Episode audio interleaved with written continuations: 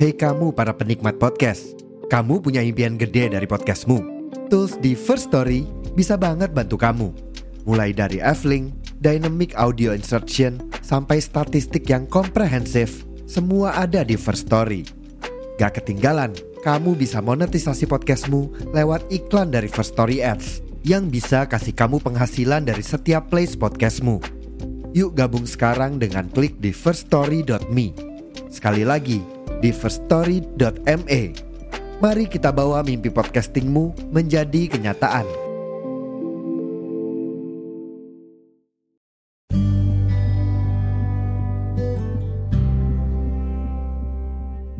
Halo listener podcast Maskur, kembali lagi bersama kami, saya Rehan Alif. Dan saya Arif Feratna. Nah teman-teman listener, uh, di episode hari ini yang udah sekian lama ya Rifka kita lama nggak take podcast, mungkin dari teman-teman udah kangen nih menunggu episode terbaru dari Maskur Podcast. Nah, teman-teman, uh, untuk hari ini kita akan mengangkat sebuah tema atau episode yang bisa dibilang cukup menarik ya Rifka. Ya Yeps. mungkin episode hari ini uh, mungkin dari teman-teman yang mendengarkan bisa jadi sedang mengalami di fase saat ini. Nah, ya betul atau yang sering kita sebut sebagai sandwich generation atau yang di mana uh, di usia para remaja ataupun pekerja yang di mana dia selain menanggung kebutuhannya sendiri dia juga menanggung kebutuhan keluarganya. Nah, Oke. Dan tadi udah Rehan mention sebentar ya tentang sandwich generation dan sepertinya menurutku banyak teman-teman yang sama seperti yang kita bahas pada malam uh, pada episode kali ini ya Han ya tentang sandwich generation. Nah, ya. Kalau Rehan sendiri tadi udah mengungkapkan bahwa sandwich generation itu apa namanya menanggung beban begitu ya Han ya di usia uh, Iya. sekitar ya usia 20-an dan sampai 30 mungkin ya. Nah, terus setelah itu kalau menurutku sendiri sandwich Iya. generation itu um, kita, kita bisa bilang dari pengertiannya yang harfiah ya, sandwich itu berarti kan ditekan dari dua sisi. Di mana sisi pertama adalah kebutuhan kita akan uh, living cost gitu dan sisi selanjutnya yang ditekan dari belakang adalah kebutuhan keluarga yang kita tanggung. Itu namanya sandwich. Jadi kita terhimpit di tengah-tengah oleh dua kebutuhan yang sama-sama besarnya dan sama-sama pentingnya. Gitu. Kalau dari Rehan sendiri kamu mau namain nggak? Apa ada pengertian lain yang menurutmu tuh sandwich generation tuh seperti ini begitu?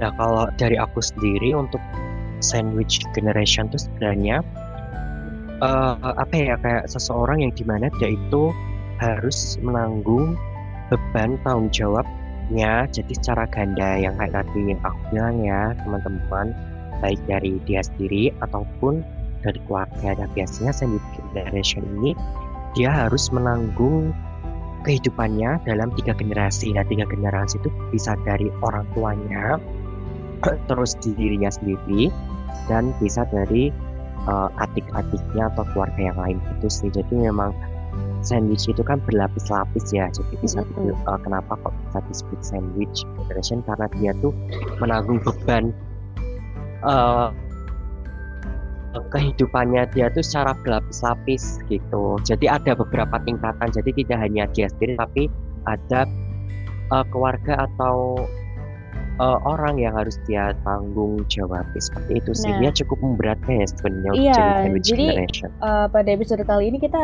mau bahas tentang siapa tahu bisa jadi kita berdua pun menjadi sandwich generation ya Han ya? Atau kita nanti mau Iya. membahas bagian kenapa sih iya betul uh, banget si sandwich ini bisa terjadi dan terus gimana kita sebagai umur-umur uh, yang masih early 20 ini untuk menanggulangi atau gimana sih sikapnya yang betul ketika harus Iya. kayak mau nggak mau jadi sandwich harus generation gitu. menanggung iya betul Susah banget sandwich generation, generasi sandwich gitu aja lah ya.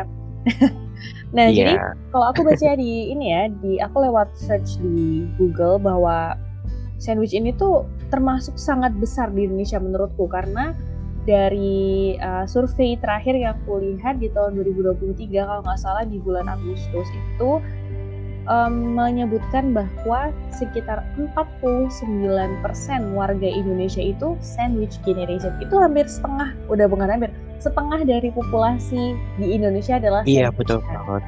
Wow. Itu sangat besar ya angkanya ya.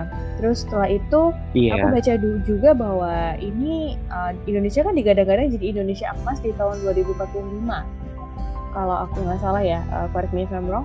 Dan juga ada mention juga tentang bonus demografi dan lain sebagainya dan bonus demografi itu adalah ketika di Indonesia terjadi um, usia orang dengan lim, usia 15 tahun sampai 64 tahun atau kita bisa bilang bahwa usia produktif itu lebih tinggi daripada usia di atas 65 atau usia yang sudah manula atau lansia begitu. Jadi bisa dibilang um, ternyata dengan persenan Indonesia yang ada bonus demografi ini pun tidak menekan si persenan besar sandwich generation yang sudah ada di Indonesia sampai dengan 49% ini begitu kan. Terus kalau aku mau tanya ke kamu nih, kan tadi kita udah berdua sampai menjelasin uh, ABC penjelasan tentang sandwich generation in a short way. Kalau dari kamu sendiri, kamu apakah termasuk sandwich gen atau tidak? Aku termasuk sandwich generation? Hmm? Uh, maksudnya pertanyaannya seperti itu? Iya. Hmm, kalau dibilang sandwich generation juga untuk saat ini belum sih meskipun kan alhamdulillah aku juga udah bekerja hmm. uh, untuk tanggung jawab ini masih ke aku sih maksudnya dalam artian ketika mendapatkan benefit dari pekerjaanku ya memang lebih uh, 90% emang ke uh, untuk kebutuhanku. Paling kalau ngasih juga paling ke adik karena waktu itu uh, kebetulan aku udah apa?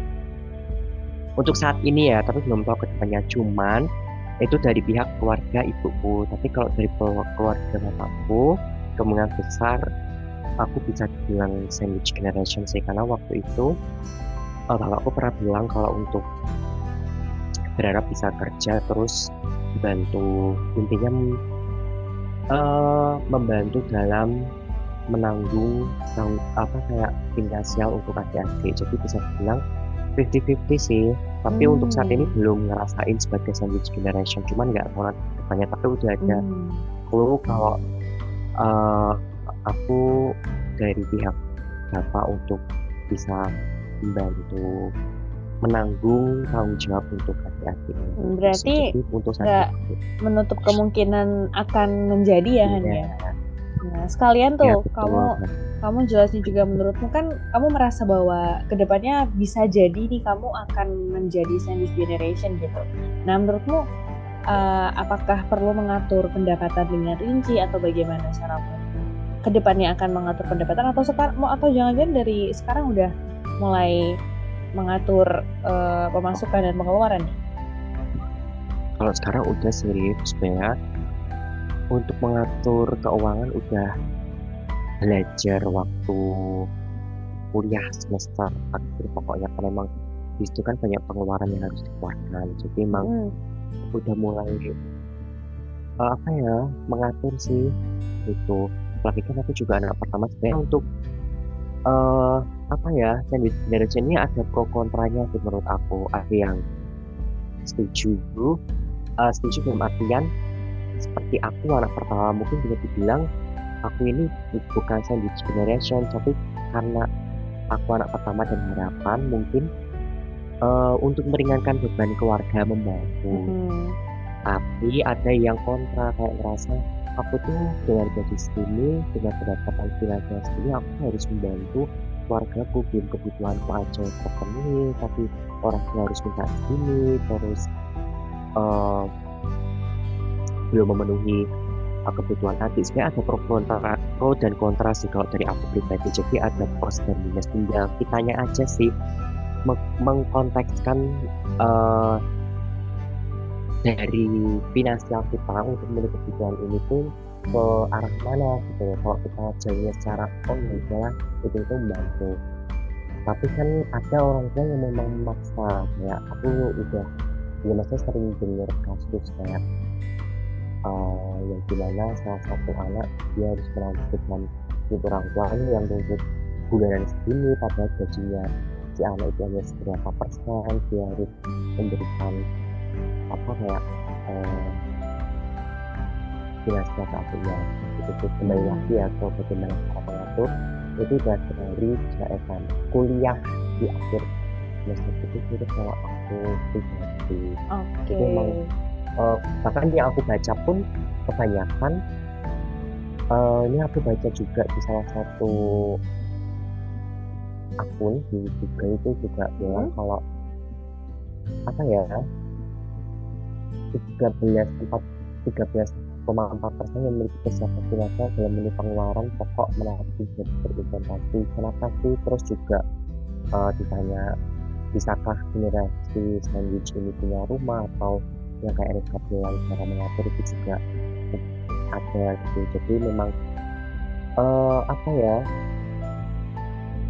Jadi memang um, menjadi sandwich generation itu harus pintar-pintar mengatur biasanya nggak harus sandwich generation ya karena mengatur finansial kan memang mau nggak mau kita harus belajar untuk manajemen keuangan Iya, iya betul. Melanjutkan Rehan ya sebetulnya menurutku uh, sandwich generation itu tuh bukan opsi mau atau tidak, tapi dia kayak uh, terpaksa oleh keadaan gitu loh. Kalau menurutku sih semua orang bakal Iya, ditanya, betul. oh nggak kamu dapat dapat sebegitu besar tanggung jawab untuk menjadi tulang punggung pengganti begitu ya dari keluargamu Iya, pasti nggak oh. mau karena karena uh, kalau semisal hanya membantu kayak sebetulnya kayak nggak diminta gitu ah mau so kamu nggak usah ngasih mama gitu mama udah cukup gitu itu bukan sandwich gitu kalau sandwich itu benar-benar mau tidak mau harus menyisihkan dan memberikan iya yang betul. sepatutnya untuk kita gitu kan Han Nah, Iya, terus- tuh gimana ya gimana Ri?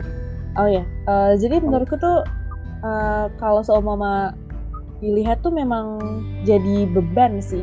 Aku melihat sebagai itu tuh sebagai beban gitu, bukan bermaksud nggak mau memberikan apa ya kalau mungkin karena kita adat ketimuran ya, jadi merasa bahwa kalau melawan orang tua atau bagaimana itu kan nanti jatuhnya seperti durhaka dan sebagainya gitu kan ucapan nggak bener gitu. Tapi aku melihat beberapa case bahwa malah jadi dimanfaatkan gitu loh. Nggak hanya membiayai orang tua yang seharusnya kita biaya biayai tapi malah menjadi meremen ke mana-mana gitu. Aku udah melihat eh, nggak melihat langsung tapi eh, ada case di media sosial gitu dia kayak curhat gitu lah ya. Seringan ya Han? Setiap curhat-curhat di Iya, sosmed gitu kan dia bilang bahwa kok Jem jadi merasa jadi diandalkan padahal pertamanya cuman mau uh, membantu orang tua tapi endingnya jadi saudara-saudaranya jadi ikut menikmati gitu loh. Jadi apa namanya uh, jaga eh kalau bahasa Jawanya tuh. Nah Iya, itu sih yang oh. menurutku betul-betul membuat kenapa sandwich generation tuh menjadi berat gitu loh. Terus menurutmu tadi kamu mulai ngatur uh, keuangan di mulai kelihatan banget ngatur tuh di semester 4 ya tadi ya? Karena kamu di semester 8 eh, oh semester 8 oke. Karena kamu ada kemungkinan akan udah diminta untuk membantu gitu kan ya? Kamu gimana perasaannya waktu em, ayah ya? Ayah bilang kayak gitu ke kamu. Kayak oh Han tolong ya besok kalau udah udah Oh, settle itu. terus tolong bantu ini gitu. Padahal di itu kamu tuh belum belum ada pekerjaan gitu loh. Gimana perasaanmu saat itu? Eh, merasa kaget juga sih. Kita nggak ya kan pasti gitu ya kayak ngerasa kok tiba-tiba kayak langsung pikirkan hal aku tapi kembali lagi aku mikirnya ya jelas setiap berarti di sini tandanya aku harus eh di- berarti kalau orang tua dah itu kita berarti ya kita harus kerja keras Mm-mm. gitu sih nah, aku pas itu gimana ya? Itu, itu kembali lagi ke mindset masing-masing kalau aku. Saya tidak pikir oh berarti kalau orang tua sudah meng, mema, mengamanahkan itu berarti dia satu aku harus jadi yang bagus ya aku jadi ya kan nggak mungkin kan kalau misalnya orang sudah mengandalkan kita Mm-mm. kita kayak ngerasa ah, kayak malah bukannya tertantang. Ya kalau itu membuat aku semakin tertantang. Meskipun juga agak deg-degan karena posisi waktu itu baru proses cari kerja. Udah Mm-mm. dibutuhkan gitu loh. Dan bapak juga iya kita pernah bilang gini kalau punya uang ya bapak pengen beli naik mobil lagi itu kan semakin Waduh. ada iya ada waduh kan tapi situ aku kayak mikir oh berarti eh ada tantangan nih buat aku? Emang berat cuman ya aku nggak tahu sih orang tua itu hanya gojekan atau enggak tapi Heeh, heeh. eh di situ kita kan semakin kayak oh berarti ya itu kayak kapan harus bekerja keras kedua aku gimana saya kerja ketiga berarti kan orang tua kerja sama kita kerja keras adanya mampu dan bisa ibaratnya mengubah gitu kalau aku bilang Hmm. Oke, oke. Gitu. biasanya ya rata-rata sih ya aku nggak tahu ya rata-rata kuat anak yang jadi sandwich generation itu dia bukan dari kalangan keluarga yang kita bilang orang tuanya itu sultan atau konglomerat ya kalau aku lihat ya pas Memang, ya, memang, memang begitu kok. ya. Jadi tapi kita tapi kadang orang tua juga nggak boleh sebenarnya kayak langsung melepas tanggung jawabnya. Contoh orang tua masih mampu dengan artian. Nah di situ masih orang tua masih mampu lah berarti masih punya pekerjaan pekerjaan kan seperti apa gitu. Saat langsung ditimpakan ke anak yang udah bekerja kayak adiknya langsung dipanggil si anak udah bekerja menurut aku itu salah ya ya Kemba- tapi lihat kondisinya dulu. Misalnya kalau orang tua emang udah bener nggak bener nggak mampu untuk bekerja oke berarti kan memang si anak harus uang sendiri tapi kebanyakan kasusnya si orang tua itu menuntut terlalu menuntut si anak. Harus ini harus itu. Kalau nggak dikasih dia marah kebanyakan kerja itu dan membuat mereka merasa terbebani tapi waktu itu kalau dari aku sendiri memang si ayahku emang udah nggak bekerja gitu loh Rit. emang dia udah nggak kerja dan tinggal dan tinggalnya kayak karena karena biasa dan gitu pun aku tidak tahu pengeluarannya berapa tapi emang aku sendiri emang punya tapi aku dari diri juga emang ada cita-cita suatu saat aku ingin kayak meringankan beban orang tua. Kayak ya aku malah seneng. Berarti tandanya orang tua percaya dan itu kayak aku bilang berarti keras terus harus sukses gimana caranya terus juga dia itu berarti orang tua percaya sama aku Iya, betul. ini berarti konsepnya. Hmm, oke. kok dari kamu sendiri gimana Arif? Eh, yang mana ini? pengalaman pribadi. Oh, pengalaman pribadi. maksudnya Iya, kan kamu iya. juga udah kerja Ya. jadi Em, iya sih, sandwich sih pasti. karena apa ya? Jadi mungkin karena aku melihat eh, kakakku yang lebih tua dari aku ya, jadi merasa bahwa ikut andil dalam kewajiban itu begitu loh Han. Maksudnya iya kan, Hmm. Kak- tapi kan bedanya kan gini, aku bungsu kamu sulung kan ya, ya kan? Iya. Nah jadi Heeh. mungkin kamu akan menjadi contoh, tapi aku mencontoh begitu. Jadi menurutku memang iya sih, sandwich sih pasti. Terus setelah itu mungkin kita bisa bahas ya, kenapa sih di Indonesia bisa sampai setinggi itu sampai 49% orang di Indonesia itu adalah sandwich generation. Kita mau mengetahui apa sih penyebabnya itu? Apakah kalian sudah ada jawaban kenapa bisa terjadi sebanyak itu? Menurutmu kenapa bisa terjadi fenomena sandwich ini? kalau dari aku ya Hmm? biasanya eh ini tapi aku ya kayak Gak apa-apa, ada Ke ya. pandanganmu aja. Oke, pandanganku kalau dari aku lihat satu karena eh, penyebab kenapa anak itu jadi sandwich generation satu karena orang tua menuntut biasanya dan Hmm. bisa dibilang dari finansial finansial kegagalan finansial ya jadi eh, contoh orang tua itu memang nggak sanggup membiayai si anaknya kebetulan salah satu anaknya tuh juga bekerja dan si orang tuh kayak wah anakku kerja tuh kayak seakan-akan lendok impian ya gini-gini tuh jadi mereka Mm. tuh apa ya setiap anak kan butuh proses ya tapi karena orang tua itu yang merasa "Wah, anakku bisa kok ya salah itu biasanya terjadi karena kegagalan finansial dari si uh, orang tua itu. Tapi aku nggak langsung ngejat orang tuanya ya Mm, mm, mm, nggak orang tuanya ini tapi yang pertama ekspektasi orang tua yang terlalu tinggi atau menuntut anaknya harus uh, kayak uh, yaitu mau nggak mau mereka harus menanggung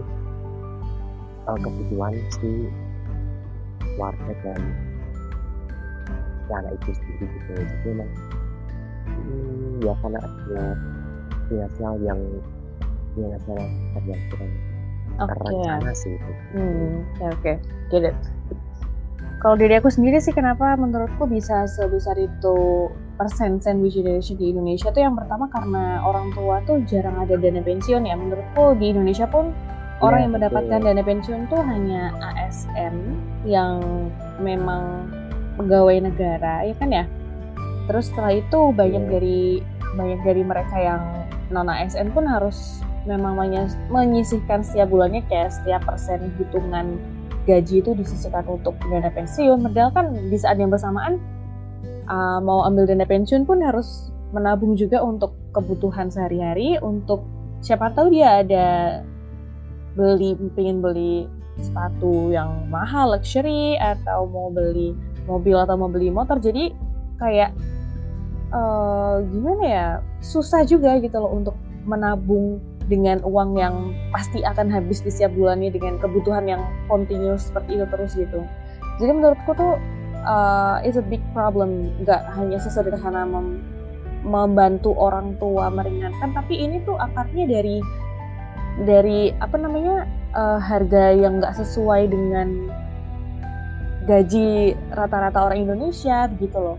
Even aku melihat harga buku pun harga buku itu mahal menurut aku kalau dibandingkan dengan negara lain yang kamu bisa beli buku dengan harga tiga kali kamu makan. Soalnya kayak harga buku rata-rata 50 ribu atau 30 ribu itu kan hitungannya murah. Tapi dengan rata-rata pendapatan orang Indonesia yang menurutku rendah karena kita masih negara berkembang harga buku itu mahal. Karena bisa sampai hampir 100 ribuan gitu loh. Jadi ini tuh sebenarnya masalah yang panjang dan serius dan berakarnya tuh udah susah gitu untuk di apa ya dikurangi persenannya karena itu tadi kan orang tua nggak punya dana pensiun dia um, berpegang sama gaji anaknya terus nanti anaknya ini akan menjadi orang tua pun tidak punya dana pensiun lagi karena uang Iya. yang bisa ditabung menjadi uang yang dihabiskan untuk kebutuhan sehari-hari dia dan orang tuanya ataupun keluarganya dan itu akan terus rantainya itu loh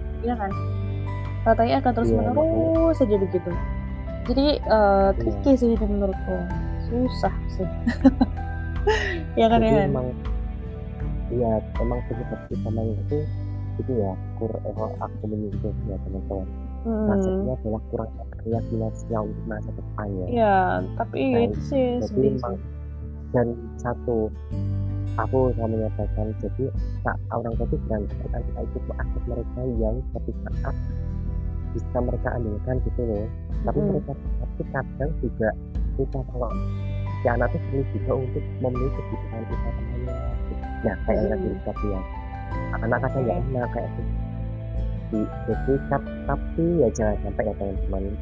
Maaf Mm-mm. kadang ada orang tua yang eh, eh, pernah aku ada satu kasus yang orang tuanya kayak ini bapak ibu ya kamu juga. ya perhitungan nah itu kan bikin anak bikin gaduh gitu ya tapi Uh, kan uh. tapi ada juga anak yang sadar kayak oh iya dulu bapak ibu ngekeluarin aku mungkin ini anak kan oke ya itu Terus? itu, itu kembali ke Hmm. Berarti menurutmu gimana Han? Cara menurutmu aja sih biar dari kamu tuh kamu nggak akan menjadi orang yang membebani anakmu besok gitu. Kamu akan seperti apa agar nggak seperti itu? Cara meneng- menanggulanginya. Saya pertama kalau dari aku ya besok saya mungkin lebih mempersiapkan eh, harapannya kalau aku memang eh, pertama aku mem- apa ya mengatur keuanganku dulu punya Hmm. tabungan tabungan khusus hari tua ya gitu terus kedua aku harus melihat kalau anakku itu yang utama kebahagiaannya dulu kayak saya dia udah punya penghasilan sendiri.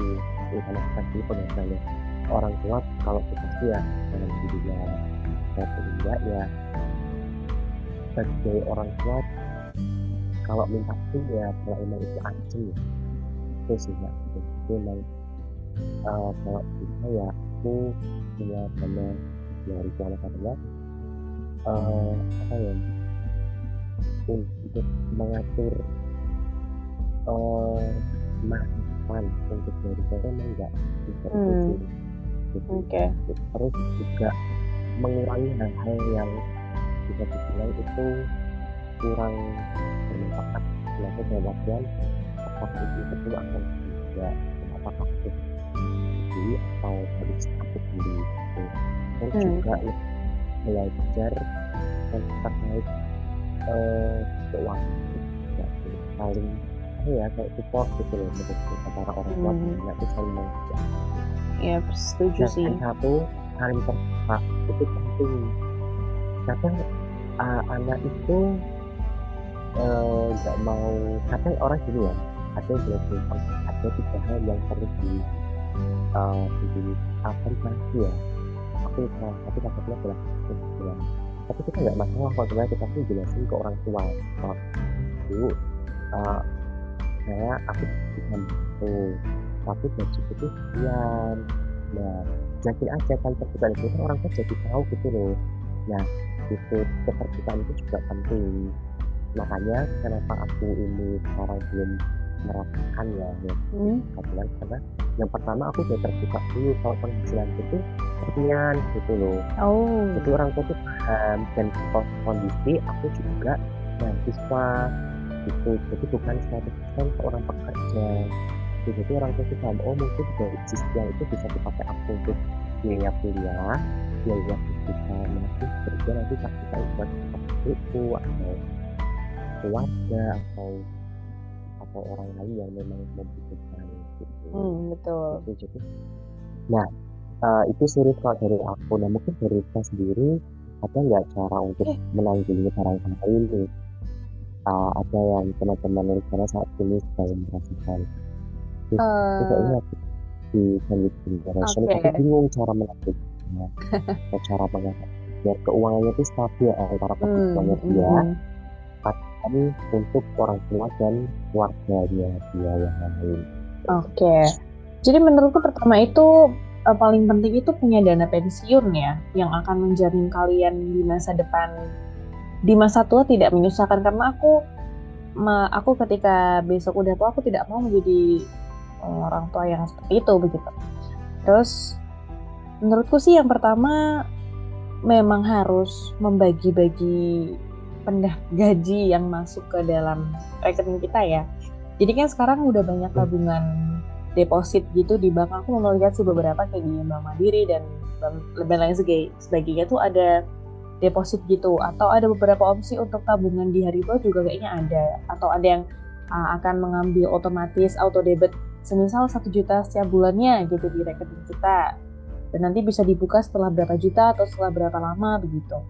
Jadi menurutku itu opsi yang oke sih karena kita dipaksa menabung dengan Hmm. itu yang auto debit itu kan. Kalau jadi sekarang aku belum berani sih auto debit karena uh, masih fluktuatif gajinya. Jadi aku opsinya lebih ke mengunci apa ya, ngunci tabungan gitu. Aku di Bank Jago sekarang tabungnya jadi aku bikin goal sekian rupiah terus nanti aku kunci dan aku nggak bisa mengambil uang itu sebelum goalsnya tercapai gitu sih.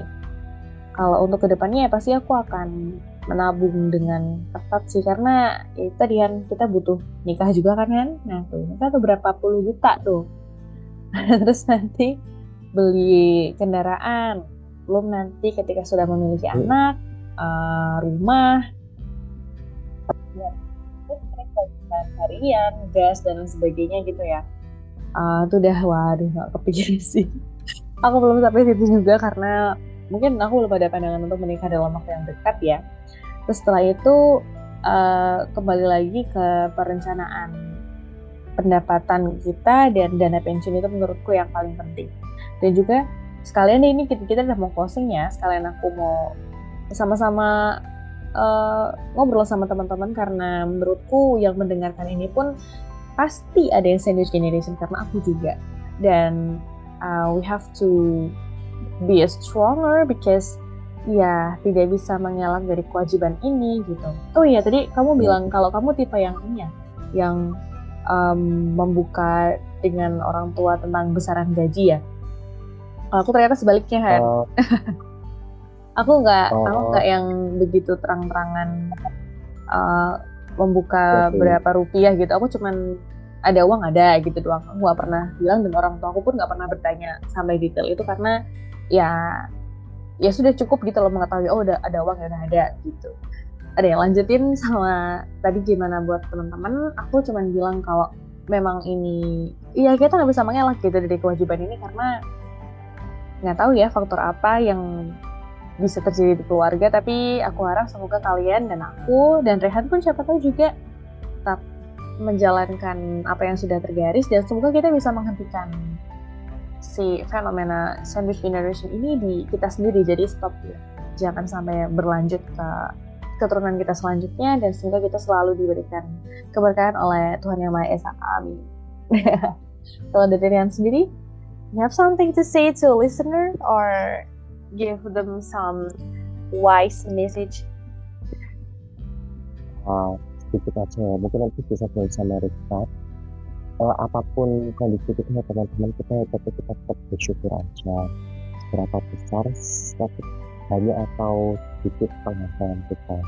Terus uh, perihal kita jadi sandwich generation atau bukan yang penting kita masa kita kita membantu dan menikah nasib keluarga kita tidak apa apa emang untuk saat ini kita menjadi sandwich generation. Tapi takutnya pada suatu saat kita akan jadi orang sukses dan di balik itu semua tuh berarti ada dorongan yang membuat kita supaya semakin maju dan semakin apa ya semakin banyak sih ya sandwich generation menurut aku itu sebuah tantangan bagi para um, masyarakat di usia positif ya tempat kita buat semakin maju dan terkontrol untuk gimana cara mengatur keuangan.